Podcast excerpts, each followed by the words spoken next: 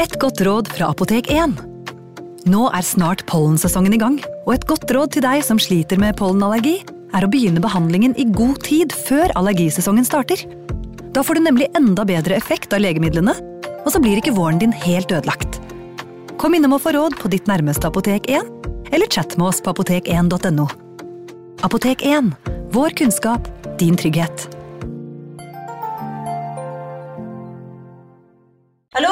Jeg kommer fra Oslo politikammer.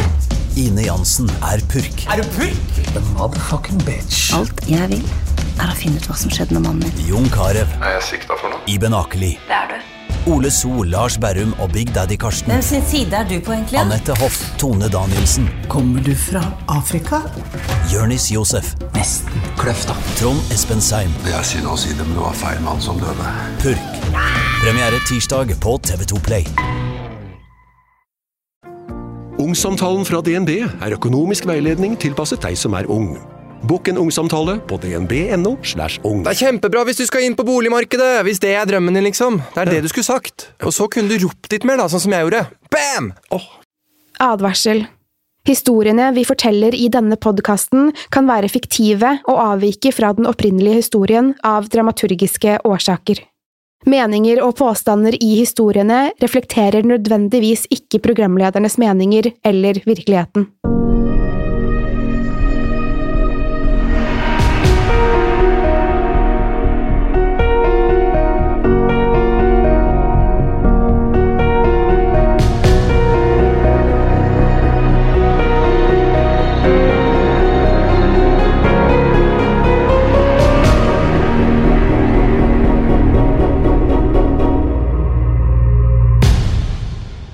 Hallo, Pernille. Hallo. Har du hatt en fin påske? Jeg har hatt en veldig fin påske. En, mm. en eh, mest jobbepåske, egentlig. Ja, hvordan Men det liker jeg jo. Skrevet litt episoder og etterforsket litt mord og sånn som jeg pleier å gjøre. Ja, etterforske mord, ja. Ja. Det er veldig vanlig. Um, du har jo også vært på televisjonsapparatet. Det stemmer. Ja. Jeg var på TV 2 Nyhetskanalen på fredag Mhm. Og snakket litt om mord. Ja. Det som jeg liker å snakke om. Jeg var ikke bra nok, jeg, da. Nei, de ville ikke ha med deg. De sa faktisk det spesifikt at de ikke kunne ha med deg, så det var jo litt dumt. Ja, det syns jeg var litt kjipt. Men uh, det er hyggelig at du var der, da. Ja, ja. Ja, For du skulle jo prate om den der andre podkasten, den der True Crime-poden, i tillit til Skatepodden, da. Ja, den som hermer litt etter denne podkasten her. Ja, Den hermer noe grusomt. Ja, gjør det. Um, har du fått i deg nok påskegodt? Uh, jeg har fått i meg mer enn nok, eh, dessverre. Ja, du har det, ja? Ja, og nå er det jo litt sånn å komme tilbake til hverdagen og, og ikke spise påskemarsipan hele tiden. Jeg må fortelle om eh, ja, Åpenbaring vil jeg ikke kalle det, men jeg så en helt fantastisk Jeg må kalle det krimserie på Netflix. Oi, En fransk en som heter Le Chalet. Okay. Le Chalet um, skrives det. Og uten å liksom ødelegge for de som kanskje ikke har sett dette her, så klarer jeg faktisk for en gangs skyld ikke å tippe hvem morderen er. Oi, jeg har faktisk ikke peil på hvem morderen er. Oi. Eh, og enten så er det det at jeg har bare ligget i en sånn koma, og at hjernen min er neddrysset i sukker, at jeg ikke har vært eh, der jeg burde være. Men eh, for en gangs skyld så sitter det er, Den er på seks episoder. Og når du er på episode fem, så tenker du hvordan i all verden nøster de sammen dette her i eh, siste episoden? Det klarer de. Ja, for du har sett hele. Jeg har sett hele, ja. Ja. Eh, og det beste påskekrimmen denne påsken for meg. Å, så gøy. Men, det jo, men handler den om seriemorder, eller er det én morder, eller Og du kan kanskje ikke si det Da føler jeg ødelegger for eh, lytterne, men jeg kan si det så Ja, ok. Um, det er et lukket samfunn, Ja. og uh, ofrene, eller de antatte ofrene, kan ikke unnslippe.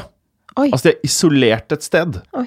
Som gjør at uh, når de Det her er ikke noe avslørende, for det, det er åpenbart når du skal se på en krim, så skjønner du at det er en morder. Ja. Uh, når morderen er løs, så har de ingen steder å stikke vekk. Å, det hørtes uh, skummelt ut, faktisk. Ja. Det er en nydelig premiss, Mm. samt meget dårlig mobildekning, som jeg mener enhver skrekkfilm og krimfortelling burde ha som et fast premiss. Ja, det er jeg enig i. Den minner meg litt om den, den islandske TV-serien, hva er det den heter for noe? Innesperret, muligens? Jo, Innesperret, som går på NRK. Mm -hmm. um, det handler om en sånn liten remote by på Island, hvor et cruiseskip kommer inn, og så er det et lik i vannet. Dette skjer i første episode, så det er liksom i, løpet av ti minutter, så jeg føler ikke at jeg avslørte noe der. Nei. Men det er også sånn det er så dårlig vær, så ingen kan komme seg inn og ut, og fly funker ikke, og alt der. Eller er det ikke flyene som ikke funker, det er vel været. Men Flyene funker, ja. jeg tror de funker. ja. Ja, men det skal jeg teste ut. Ja. Men jeg har Eh. sett på um, Wisting i helgen. Wisting, ja. Ja, det er en ny uh, krimserie fra, en av mine favorittforfattere, faktisk. Jo, uh, Jon Jørn Lier Horst.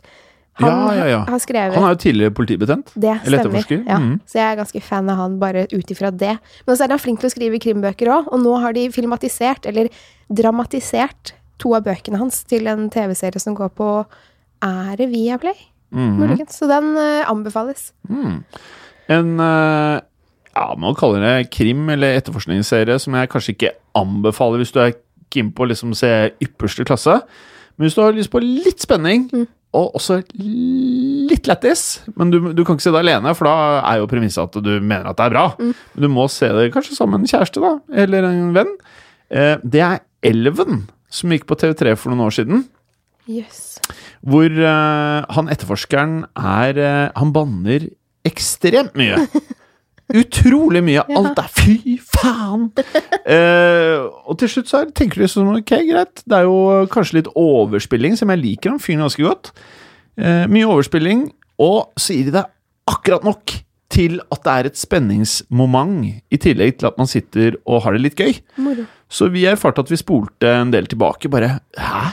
Sa han det han sa der? For han banner ekstremt mye, og ord som på norsk kanskje Du vet, på norsk så høres det enda litt heftigere ut Ja. enn når du hører på engelsk. Ja. Så når du sier 'fuck', Ja. så er det sånn litt whatever. Når de banner på norsk og sier forskjellige ord som starter på F, eh, og bare fire, eh, fem bokstaver, så eh, høres det tungt, ja. Men Jeg den, det. jeg kan ikke huske at jeg har hørt om den. Den skal jeg sjekke ut. Ja, det er ikke et must, Nei. men uh, det er gøy. Det er, det er moro. Ja. Men har du hatt en fin påske, Jim? Eh, fin påske. Jeg var jo før påsken på vei å jobbe meg kraftig opp i vekt. Um, I påsken så fortsatte jeg den uh, trenden.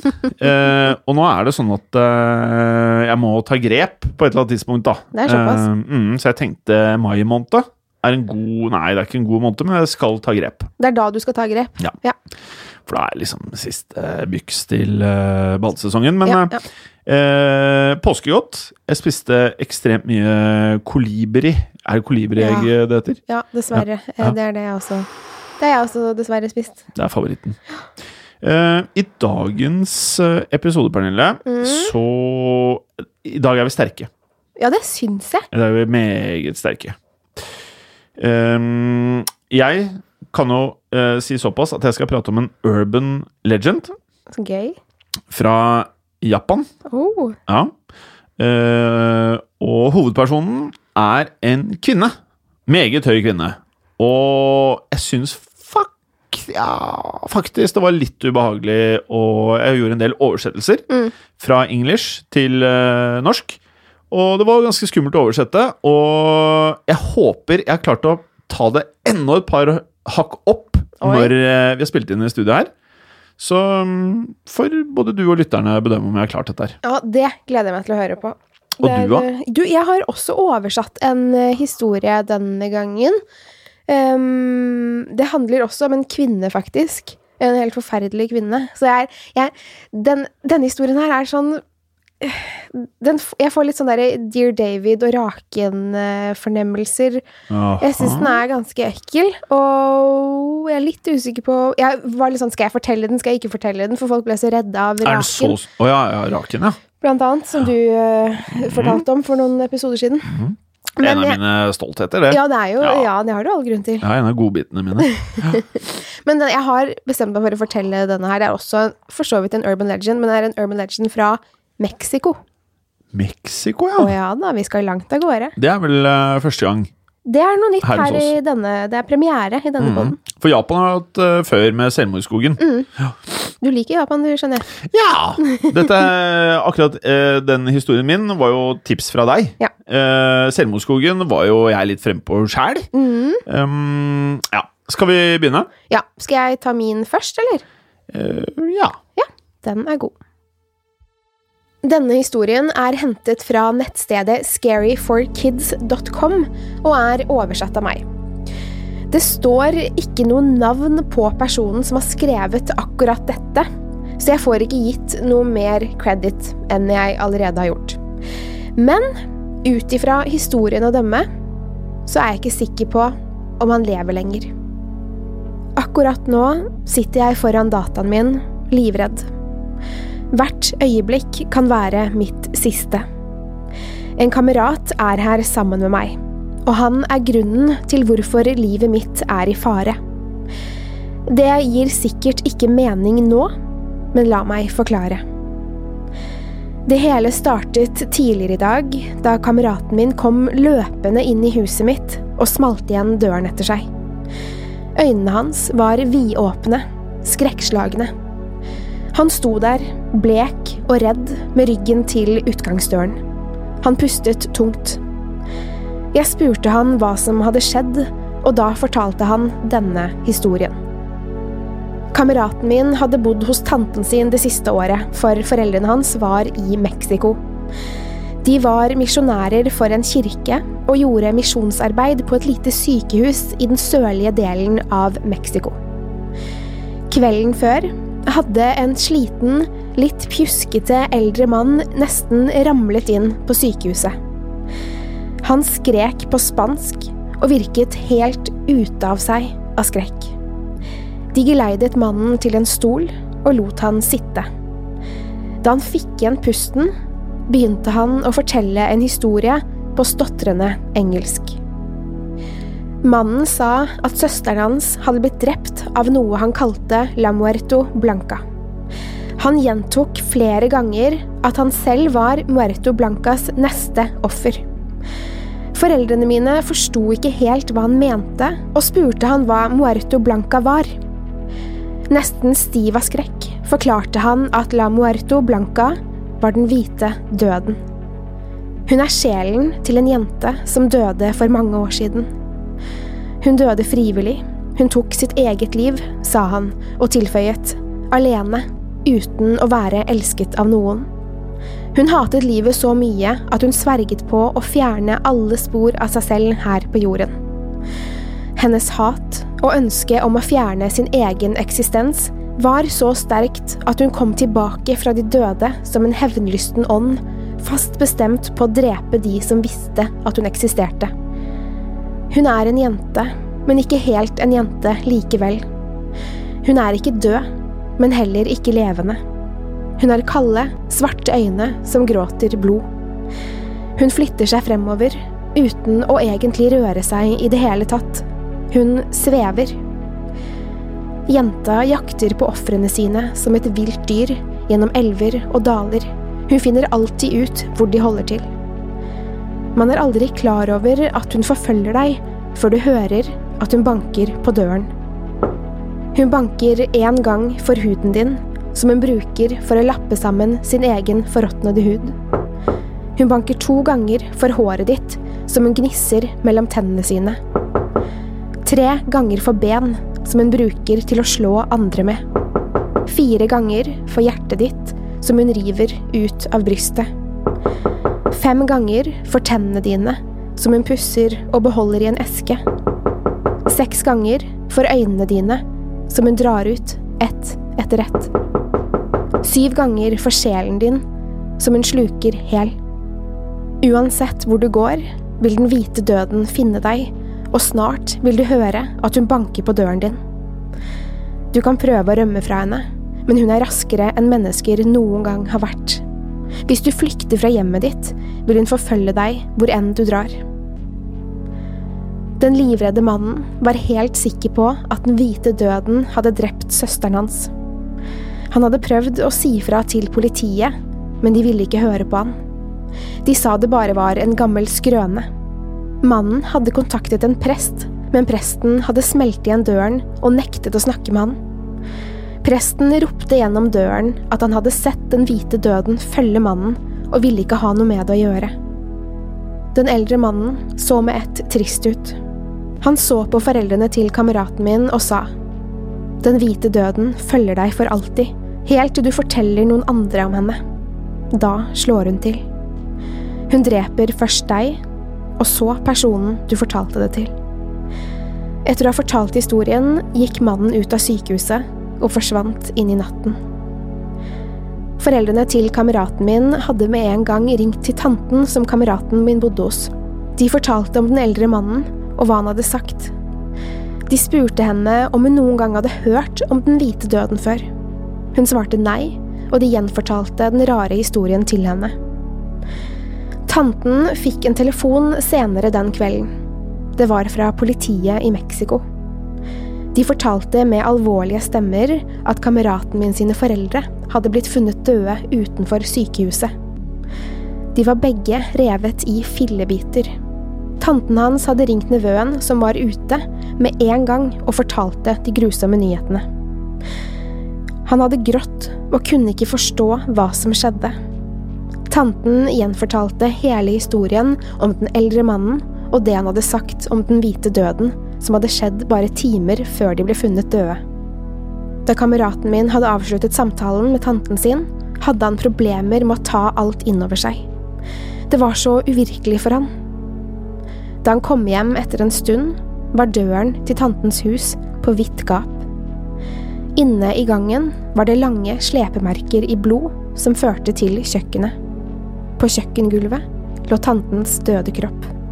Hun var revet opp, kroppsdel for kroppsdel. Kameraten min løp ut av huset, og helt til her jeg bor. Han smalt igjen døren og fortalte meg denne historien. Jeg trodde ikke på han. På bare én dag hadde både foreldrene og tanten hans blitt drept. Det virket helt usannsynlig, som en dårlig spøk. Før jeg fikk sagt noe, banket det plutselig hardt på døren. Vi har bare stirret på døren i en time nå. Ingen av oss tør å åpne. Bankingen er der fortsatt. Den blir høyere og høyere. Hun gir aldri opp. Hun slutter aldri. La Muerto Blanca kan ikke stoppes. Jeg tror hun prøver å skremme oss. Jeg tror hun prøver å få oss til å skylde på hverandre. Og det klarer hun, for jeg synes dette er kameraten min sin feil. Han skulle aldri ha sagt noe om henne til meg. Mens jeg sitter her, i huset med kameraten min ved siden av meg, hører vi bankingen bli høyere og høyere og høyere. Jeg har mange ønsker. Jeg ønsker at hun hadde drept kameraten min før han kom frem til huset. Hvis han var død, hadde ikke han kunnet fortelle meg om henne. Da hadde ikke jeg vært i fare nå. Jeg forbanner den dagen jeg møtte han. Jeg vil beklage til dere også. Jeg er lei for at jeg fortalte denne historien. Jeg er lei for at dere hørte om den hvite døden. For nå som dere vet om henne, kommer hun til å jage dere også.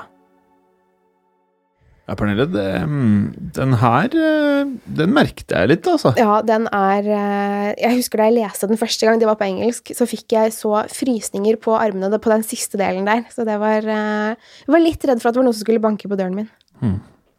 Dette her tror jeg på Instagram-kontoen vår nå at det kanskje blir litt sånn at folk skal beklage seg til den hvite døden. Mm. Tror du det? Jeg tror det, men det hjelper jo tydeligvis ikke. For nå vet de jo om den. Nei. Nei, altså Ja, jeg Altså, jeg er overtroisk. Jeg tror ikke nødvendigvis på gjenferd og spøkelser og alle historiene vi leser opp, men av en eller annen grunn så resonnerer jeg med at eh, jeg vil heller bare gjøre det som skal til for at jeg skal få peace of mind, mm. enn å ikke gjøre det og prøve å forklare meg selv at det ikke eksisterer. Jeg bare gjør det. Ja, Så du har tenkt å beklage til uh, La Muerte Blanca? Ja, men så er jeg veldig glemsk, så jeg glemmer det. Men uh, jeg skal kanskje gjøre det på Instagram. Hvis ja. du kommer på det. Ja. Um, mm, mm, skal jeg ta min? Vet du hva, jeg syns du bare skal gjøre det. Hoppe ja. rett på. Jeg tenker Nå har folk hatt påskeferie, ja. og det er litt tungt å komme tilbake til hverdagen, så det minste vi kan gjøre, er å ta fra dem nattesøvnen. Ja, men det her, det her den eh, jeg tar nå, den er ganske jævlig, egentlig. Å, det uh, Jeg gleder ja. meg. Ja. Jeg er spent på hva du synes. Yes. Eight Feet Tall, eller Hachisakusama, er en japansk urban legend om en høy kvinne som bortfører barn. Hun sies å være åtte fot høy, eller 2 meter og 43 centimeter. Og hun har alltid på seg en lang, hvit kjole. Hun sies å lage en lyd som går noe sånn som dette. Po, po, po, po. Historien om Hachisaku Sama går som følger. Mine besteforeldre levde i Japan. Og hver sommer så tok foreldrene mine med meg dit for å besøke dem. De bodde i en liten landsby og hadde en enorm hage. Jeg var utrolig glad i å leke der om somrene. Når vi ankom besteforeldrene mine, kunne jeg huske at jeg alltid følte meg utrolig velkommen. Og til dels var jeg vel bortskjemt som deres eneste barnebarn. Sist gang jeg så de, var sommeren da jeg var åtte år gammel. Alt ved denne turen var som det alltid var når vi skulle besøke de. Vi kjørte fra flyplassen til huset deres. De var også denne gangen utrolig glad for å se meg igjen, og jeg fikk en haug med presanger. Foreldrene mine ønsket litt tid for seg selv, og etter noen dager så tok de en tur til en annen del av landet, mens jeg ble igjen hos besteforeldrene mine. En av dagene jeg lekte i hagen, og jeg lå på gresset og så opp mot himmelen, så hørte jeg en merkelig lyd. Po, po, po, po. Jeg forsto ikke hva det var, og det var vanskelig å forstå hvor det kom fra. Det hørtes nesten ut som det var noen som bare lagde lyden med munnen. Som om noen sa po, po, po, over igjen, og gjerne med en dyp, maskulin stemme. Jeg så meg rundt i søken på å finne ut hvor lyden kom fra, når jeg plutselig fikk øyne på noe som så ut som en hatt, en stråhatt, som så ut til å ligge på toppen av hekken som gikk rundt hagen.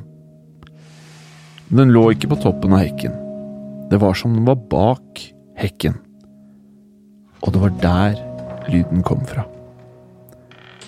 Po, po, po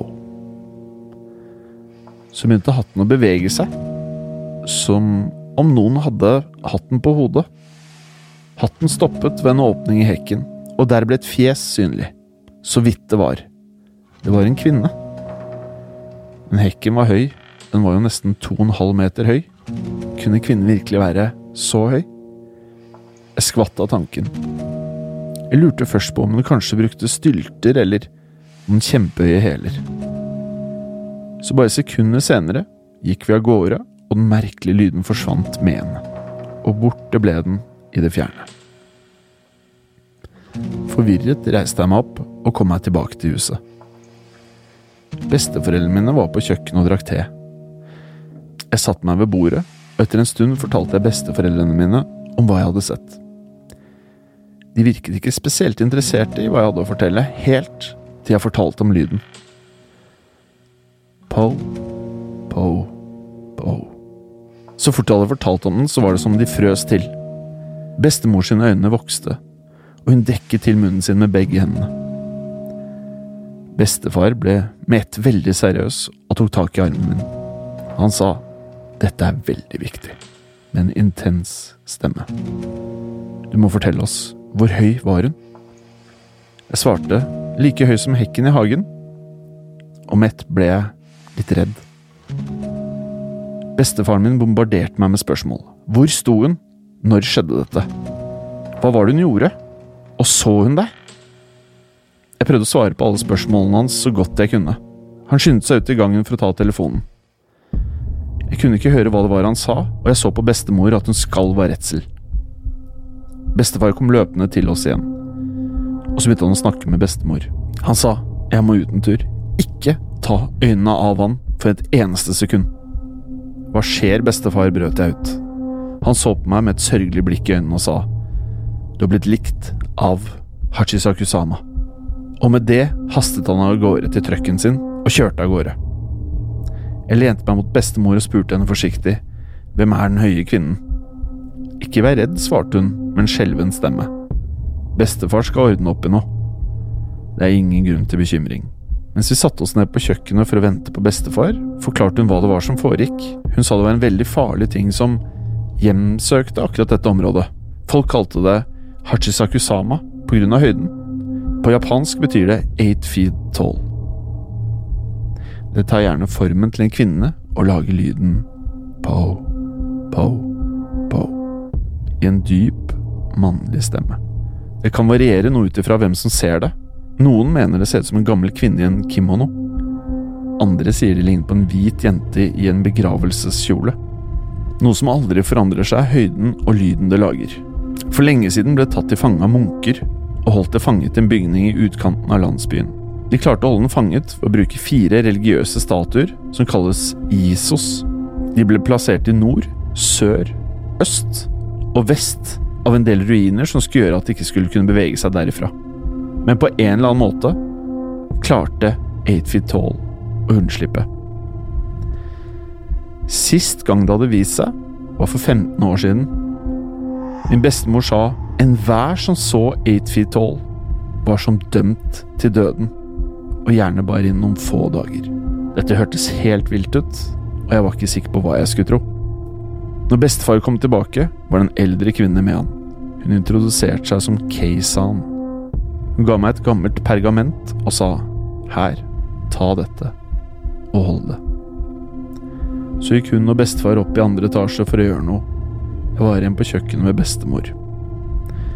Jeg måtte på do, og bestemor fulgte meg til toalettet og lot meg ikke lukke døren engang. Og det hele ble bare mer skremmende. Etter en stund fulgte bestefar og Keisan meg opp til andre etasje.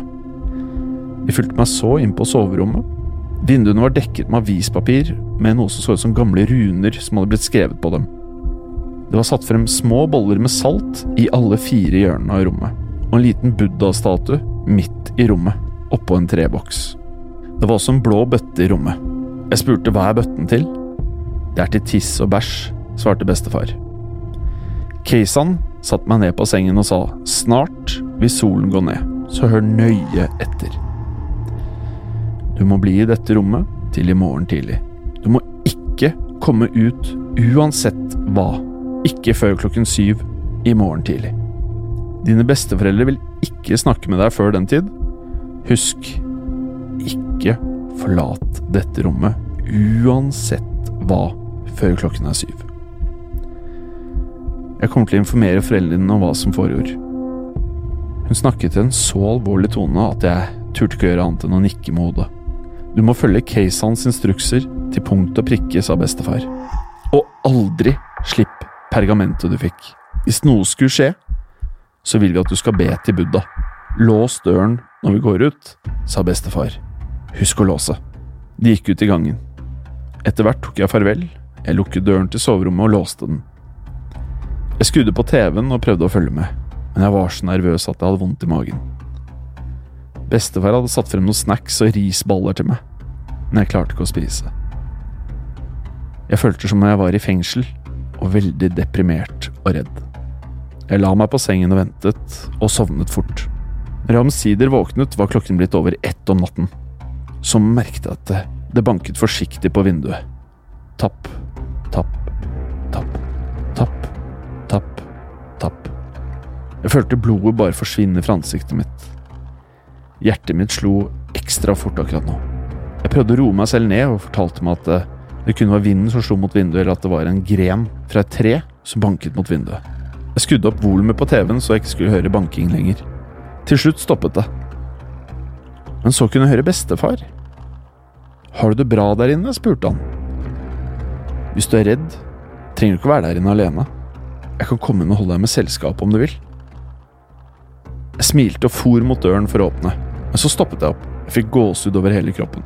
Det hørtes ut som bestefar, men det var allikevel litt annerledes. Jeg vet ikke hva det var, men jeg kunne bare ense at noe var annerledes. Hva gjør du? spurte bestefar igjen. Du kan åpne døren nå, fulgte han opp. Jeg så meg til venstre og fikk frysninger langt ned i ryggen. Saltet i bollen hadde forandret seg forsiktig. Det var blitt sort. Jeg gikk med ett vekk fra døren. Hele kroppen min skalv av skrekk. Jeg falt ned til knærne foran buddha-statuen og holdt så hardt jeg kunne til pergamentet. Jeg begynte desperat å be etter hjelp. Vær så snill, redd meg fra Hachis Shakusama, ynket jeg. Så hørte jeg utenfor døren. Po, po, po.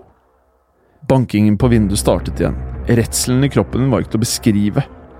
Jeg bøyde meg på kne foran statuen. Jeg både gråt og ba om hverandre resten av natten. Det føltes som natten aldri ville ta noen ende. Men til slutt, når det var blitt morgen, så var saltet i alle fire bollene blitt helt svarte. Jeg sjekket klokken, den var 7.30. Jeg turte så vidt det var å åpne døren. Bestemor Keisan sto utenfor døren og ventet på meg. Når bestemors ansikt mitt brøt hun ut i gråt. Jeg er så glad du er i live, sa hun. Gikk ned og ble overrasket over at jeg så mamma og pappa på kjøkkenet. Bestemor sa skynd deg, du må komme av gårde. I oppkjørselen sto det en stor, svart van og ventet på meg. Flere av mennene fra landsbyen sto rundt den. De pekte på meg og sa det er gutten. Van var i ni seter, og de satte meg midt i den. Jeg var omgitt av åtte menn. Keisan var i førersetet. Mannen til venstre for meg så ned og sa du klarte å skape riktig mye trøbbel. Jeg vet du sikkert er engstelig, bare hold hodet ditt ned og lukk øynene. Vi kan ikke se det, men det kan du. Ikke åpne øynene før vi har fått deg trygt hjem. Bestefar kjørte foran, og pappa sin bil var bak oss. Når alle var klare, startet vår lille konvoi å bevege seg. Vi kjørte ganske sakte, kanskje i 20 km i timen. Etter en stund sa Keisan det er her det blir tøft. Hun begynte å be mens hun pustet. Så hørte jeg po, po, po. Jeg holdt pergamentet så hardt jeg kunne, hodet ned, men så så jeg plutselig ut av vinduet. Og der så jeg en kjole blåse i vinden. Den beveget seg med vanen. Det var eight feet tall. Hun var utenfor vinduet og holdt følge med oss, og plutselig så bøyde hun seg ned og kikket inn i vinduet. Nei! skrek jeg. Mannen ved siden av meg skrek 'lukk øynene'. Jeg lukket øynene mine så hardt jeg kunne og klemte pergamentet alt jeg hadde. Så begynte bankingen på vinduet. Tapp, tapp, tapp. Og stemmen ble høyere. Po, po, po. Så begynte det å banke på alle vinduene i vanen. Alle mennene i bilen ble satt helt ut og mumlet nervøst seg imellom. De kunne ikke se Eight Feet Tall, og de kunne ikke høre stemmen hennes, men de kunne høre bankingen. Keisan startet å be høyere og høyere, helt til hun nesten skrek. Etter en stund sluttet å banke på vinduene, og stemmen forsvant helt. Keisan snudde seg mot oss og sa jeg tror vi er trygge nå. Alle mennene rundt meg pustet lettet ut. Vanen kjørte til siden av veien, og mennene gikk ut av bilen. De fulgte meg til pappa sin bil. Moren min holdt meg hardt mens tårene rant fra kinnet hennes. Bestefar og pappa bukket til mennene da de dro av gårde. Keisan kom til vinduet og spurte meg om jeg kunne vise henne pergamentet. Med å åpne hånden så kunne vi se at det var blitt helt svart.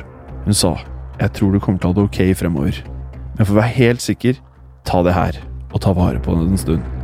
Hun ga meg et nytt pergament. Etter det så kjørte vi av gårde til flyplassen, og bestefar fulgte meg trygt til flyet. Når vi tok av, så pustet foreldrene mine lettet ut. Faren min fortalte meg at han hadde hørt om 8 Feet Tall før, for flere år siden. Han hadde en venn som hadde blitt likt av 8 Feet Tall. Vennen hans hadde blitt helt borte etter dette, og aldri sett igjen. Faren min sa at det var flere folk som hadde blitt likt av henne, og som hadde blitt borte, men noen hadde overlevd. Det de hadde til felles, var at de hadde måttet forlate Japan, og aldri kunne dra tilbake. Hun valgte alltid barn som ofrene sine. Det blir sagt at det er fordi barn er avhengig av foreldrene sine, og at hun da lettere kunne late som hun var en slektning for å lure de frem. Pappa sa at alle i bandet var slektninger av meg uten at jeg visste det. Det var derfor de satt rundt meg, og fordi bestefar kjørte foran og pappa kjørte bak. Det var for å forvirre Eight Feet Tall. Det hadde nemlig tatt tid å kontakte alle sammen og få dem samlet. Det var derfor jeg måtte være i rommet hele natten. Han fortalte så at en av Jiso-statuene som hadde voktet Eight Feet Tall, hadde gått i stykker. Det var derfor hun hadde klart å rømme. Det hele ga meg masse frysninger, og jeg var glad vi endelig hadde kommet hjem. Det var nå gått ti år siden dette hadde skjedd. Jeg hadde ikke sett besteforeldrene mine siden det. Jeg hadde ikke satt føttene mine i Japan. Men jeg pleide å ringe besteforeldrene mine ukentlig. Med årene så hadde jeg prøvd å overbevise meg selv om at det hele var en urban legend, eller at det hele hadde vært en spøk, men noen ganger så var jeg ikke helt sikker selv. Bestefaren min hadde dødd for to år siden. Før han døde var han syk, men han hadde allikevel nektet meg å besøke ham. Men så for bare noen dager siden ringte bestemoren min meg. Hun sa at hun hadde fått vite at hun hadde fått diagnosen kreft. Hun savnet meg veldig og ønsket gjerne å se meg en siste gang før hun kom til å dø. Jeg sa er du sikker, bestemor? Hun svarte det har gått ti år. Alt dette skjedde for så lenge siden, det må være glemt. Du er voksen nå. Jeg tror ikke dette vil være et problem. Men hva med eight feet tall, sa jeg. Et lite øyeblikk ble det helt stille i telefonen. Så hørte jeg, fra en dyp, maskulin stemme. Po. Po. Po. Den lyden tok eh, nesten livet av meg, eh, Jim. Den syns jeg var skikkelig ekkel. Po. Å, herregud. Po.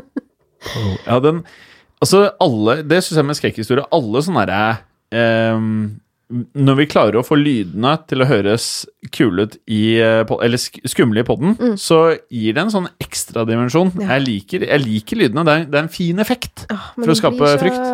Det blir så skummelt. Ja, det, det blir veldig skummelt. Mm. Eh, ble du Hvor redd ble du? Jeg ble ganske redd, og jeg um, Det jeg gjør når jeg blir redd, når jeg skal legge meg på kvelden, så pleier jeg å sette på ehm, en TV-serie, en sånn tegne En sånn Family Guy eller King of the Hill eller Det er en ny TV-serie som jeg ikke husker hva heter, som er F is for Family. Ah. Eller F is Family. Den har hørt mye bra om, sånn- faktisk. Ja, den er innmari kul. Så jeg tror det blir noen par-tre episoder av den før jeg sovner i natt. Jeg har også samme greie, men etter hvert som jeg blir eldre, Mm. eller mer voksen, som noen vil kalle det, eh, så er jeg mindre jeg, jeg blir ikke like redd lenger, kanskje. Eller jeg har høyere terskel. Eh, det minner meg om et annet hot tips til hvis Oi. man ønsker å bli redd. Som, jeg, jeg ble faktisk litt redd. Det er den nye zombieserien på, eh, på Netflix, Mm. hvor zombiene Spoiler alert. Nei, det er ikke så spoiler alert. Da. Litt spoiler alert. Eh, den heter Black Summer, Black Summer.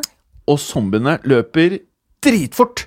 Så er det motsatte av Walking Dead, hvor de er dumme og treige. Her beiner de som rakkeren. Oi. Eh, og innimellom så kommer de seg gjennom dører òg. Løper gjennom vegger, gjennom gjerder. Eh, det er dritfett hvis du liker den zombie-greia. Den er mer 28 Days enn liksom Night of the Walking Dead, da, som liksom er de to måtene å skildre zombier på. Um, en, enda en spoiler alert-del eh, med den er jo da, akkurat som i Walking Dead, så er det jo samme prinsipp at eh, du må ikke bli bitt av en zombie for å bli zombie. Det holder at du dør. Det holder at du dør, ja. Så hvis du blir skutt, uh, så blir du zombie, tror jeg. Men er det sånn at man må, kan gjøre noe etter at de er døde, sånn at de ikke blir zombier? Fordi i Walking Dead så er det sånn at de kan Ja. skyte de gjennom hodet. Nå er For en hyggelig samtale. Ja. Eller å bare ta noe gjennom hjernen deres. Ja. ja, det er samme greie, da, men ja. Det er fortsatt regelen. Ja. For jeg føler meg ganske eh, forberedt på zombieattakk, faktisk. ja. Eh, de tåler vilt mye. Ja. Altså sykt mye. Fader. Så, så um, det er han ene Å, han er jævlig fet. En av de hovedrollekarene. Skyter en zombie sånn, sikkert helt magasin, uten at det skjer veldig mye. Oi. Så du må liksom hakke, hakke de i huet. Altså du må hakke de i hjernen. Jaha. Før da de dør? stopper det. Ja. Jaha. Mm. Så må, det, det var en som ble skutt i huet, så stoppa han, men du må helst hakke mange ganger etter du har fått det ned i bakken. Så ta gjerne pistolen, bare kjøre den gjennom hullet mange ganger. Da kan du stoppe det. Det er da man stopper de. Ja. Det høres nesten ut som, som folk på sånn bat salt eh, Ja, bat salt, ja. Ja. ja. De spiser hverandre og tror det er mat. Ja. Ja. Eh, Black nei. Summer. Black Summer. Hot, hot tips. Jeg så alt på en dag. Oi. Eh, Så ekstremt var det. Kjæresten min jobbet 19-timersvakt. Ja. Jeg hadde ikke så veldig mye annet å gjøre. Boom! uh, Så ble det 19 timers vakt på deg òg. Ja, Ja. det vil jeg si. Etterfulgt av Le Chalet. Herlig. Går det bra med deg, Jim? Ja, jeg ser jævlig mye Netflix om dagen, da. Ja. Eh, dere lyttere, fortsett å sende oss eh, gode, skumle historier på skrekkpodden at modernmedia.no. Yes. Eh, men jeg syns at eh, mange av historiene bærer preg av at folk ønsker å overbevise, overbevise oss om at det faktisk har skjedd, det de skriver. Enig. Jeg er ikke så opptatt av det, selv om når du skriver det, så sitter jo vi og diskuterer oss imellom. Har dette skjedd? Har, har det skjedd? Har ikke skjedd? Eh, ofte så svarer de oss på DM at det faktisk har skjedd. Vi har til og med fått mail av foreldre som hevder at det har skjedd, og Ja. det er jo hyggelig, det. Det jeg var helt herlig. Ja, det var herlig. Eh, men jeg er ikke så opptatt av det. Nei, altså, vi syns bare så lenge, Vi vil jo ha en skummel historie. Blir redde. Ja, det er det, det er det som er poenget. Om det er sant eller ikke, er faktisk uh, helt uvesentlig. Sekundært, Ja, det er vil flere hevde. Så, det, så lenge det er skummelt, så er vi fornøyde, vi. Helt enig. Ja, bare sånn siste greie, da. Game of Thrones har starta igjen, da. Det kan jo være det er skummelt. Det er jo noen Spoiler alert! Ikke bli sint, da. Det er jo, man må jo si at det er jo zombier med i Game of Thrones. Ja, det er jo det, og det Ja. var jeg positivt overrasket over. Ja, det er bare at de er si. eh, Nightwalkers. Det er jo en annen, bare en annen zombie-greie. Ja, så er det kanskje før i tiden, for dette er jo litt eh, Ja. Dette er ikke nåtid. Ja, ja. Det er ikke nåtid og parallell fortid. parallellverden-fortid-aktig. Ja. Kanskje? Det er moro. Ja, det er moro. Men det folk har glemt, Lord of the Rings, har også Living Dead. Zombier. De eh, orkene? Nei. Nei. Altså, i um, tredje filmen så er det jo The, the Army of the Dead. Det Det er er jo de som til slutt gjør det mulig for de snille å, å ta over. Stemmer det. Mhm.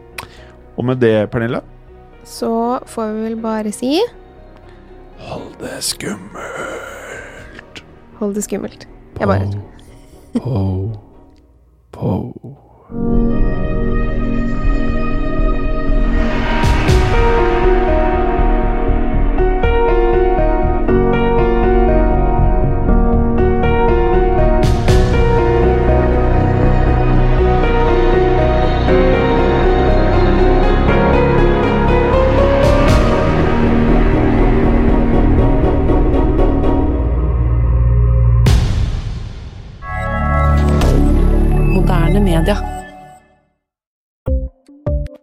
Ukens annonsør er Folio, en smartere banktjeneste for deg som har en egen bedrift eller ønsker å starte for deg selv. Folio er en superenkel nettbank for bedrifter. Som kunde i Folio får du en bedriftskonto med et bedriftskort og app. I denne appen er det smarte løsninger som forenkler regnskapet ditt, uansett om du har en liten bedrift eller et enkeltpersonsforetak. Folio er både intuitivt og brukervennlig, og er laget med et enkelt språk. I tillegg tilbyr de forutsigbare priser og ingen skjulte gebyrer. Skulle du likevel trenge det, så kan du snakke med deres raske og hyggelige kundeservice, og der får du prate med en faktisk person og ikke en chatbot. Folio er med andre ord både enklere og koseligere enn banken.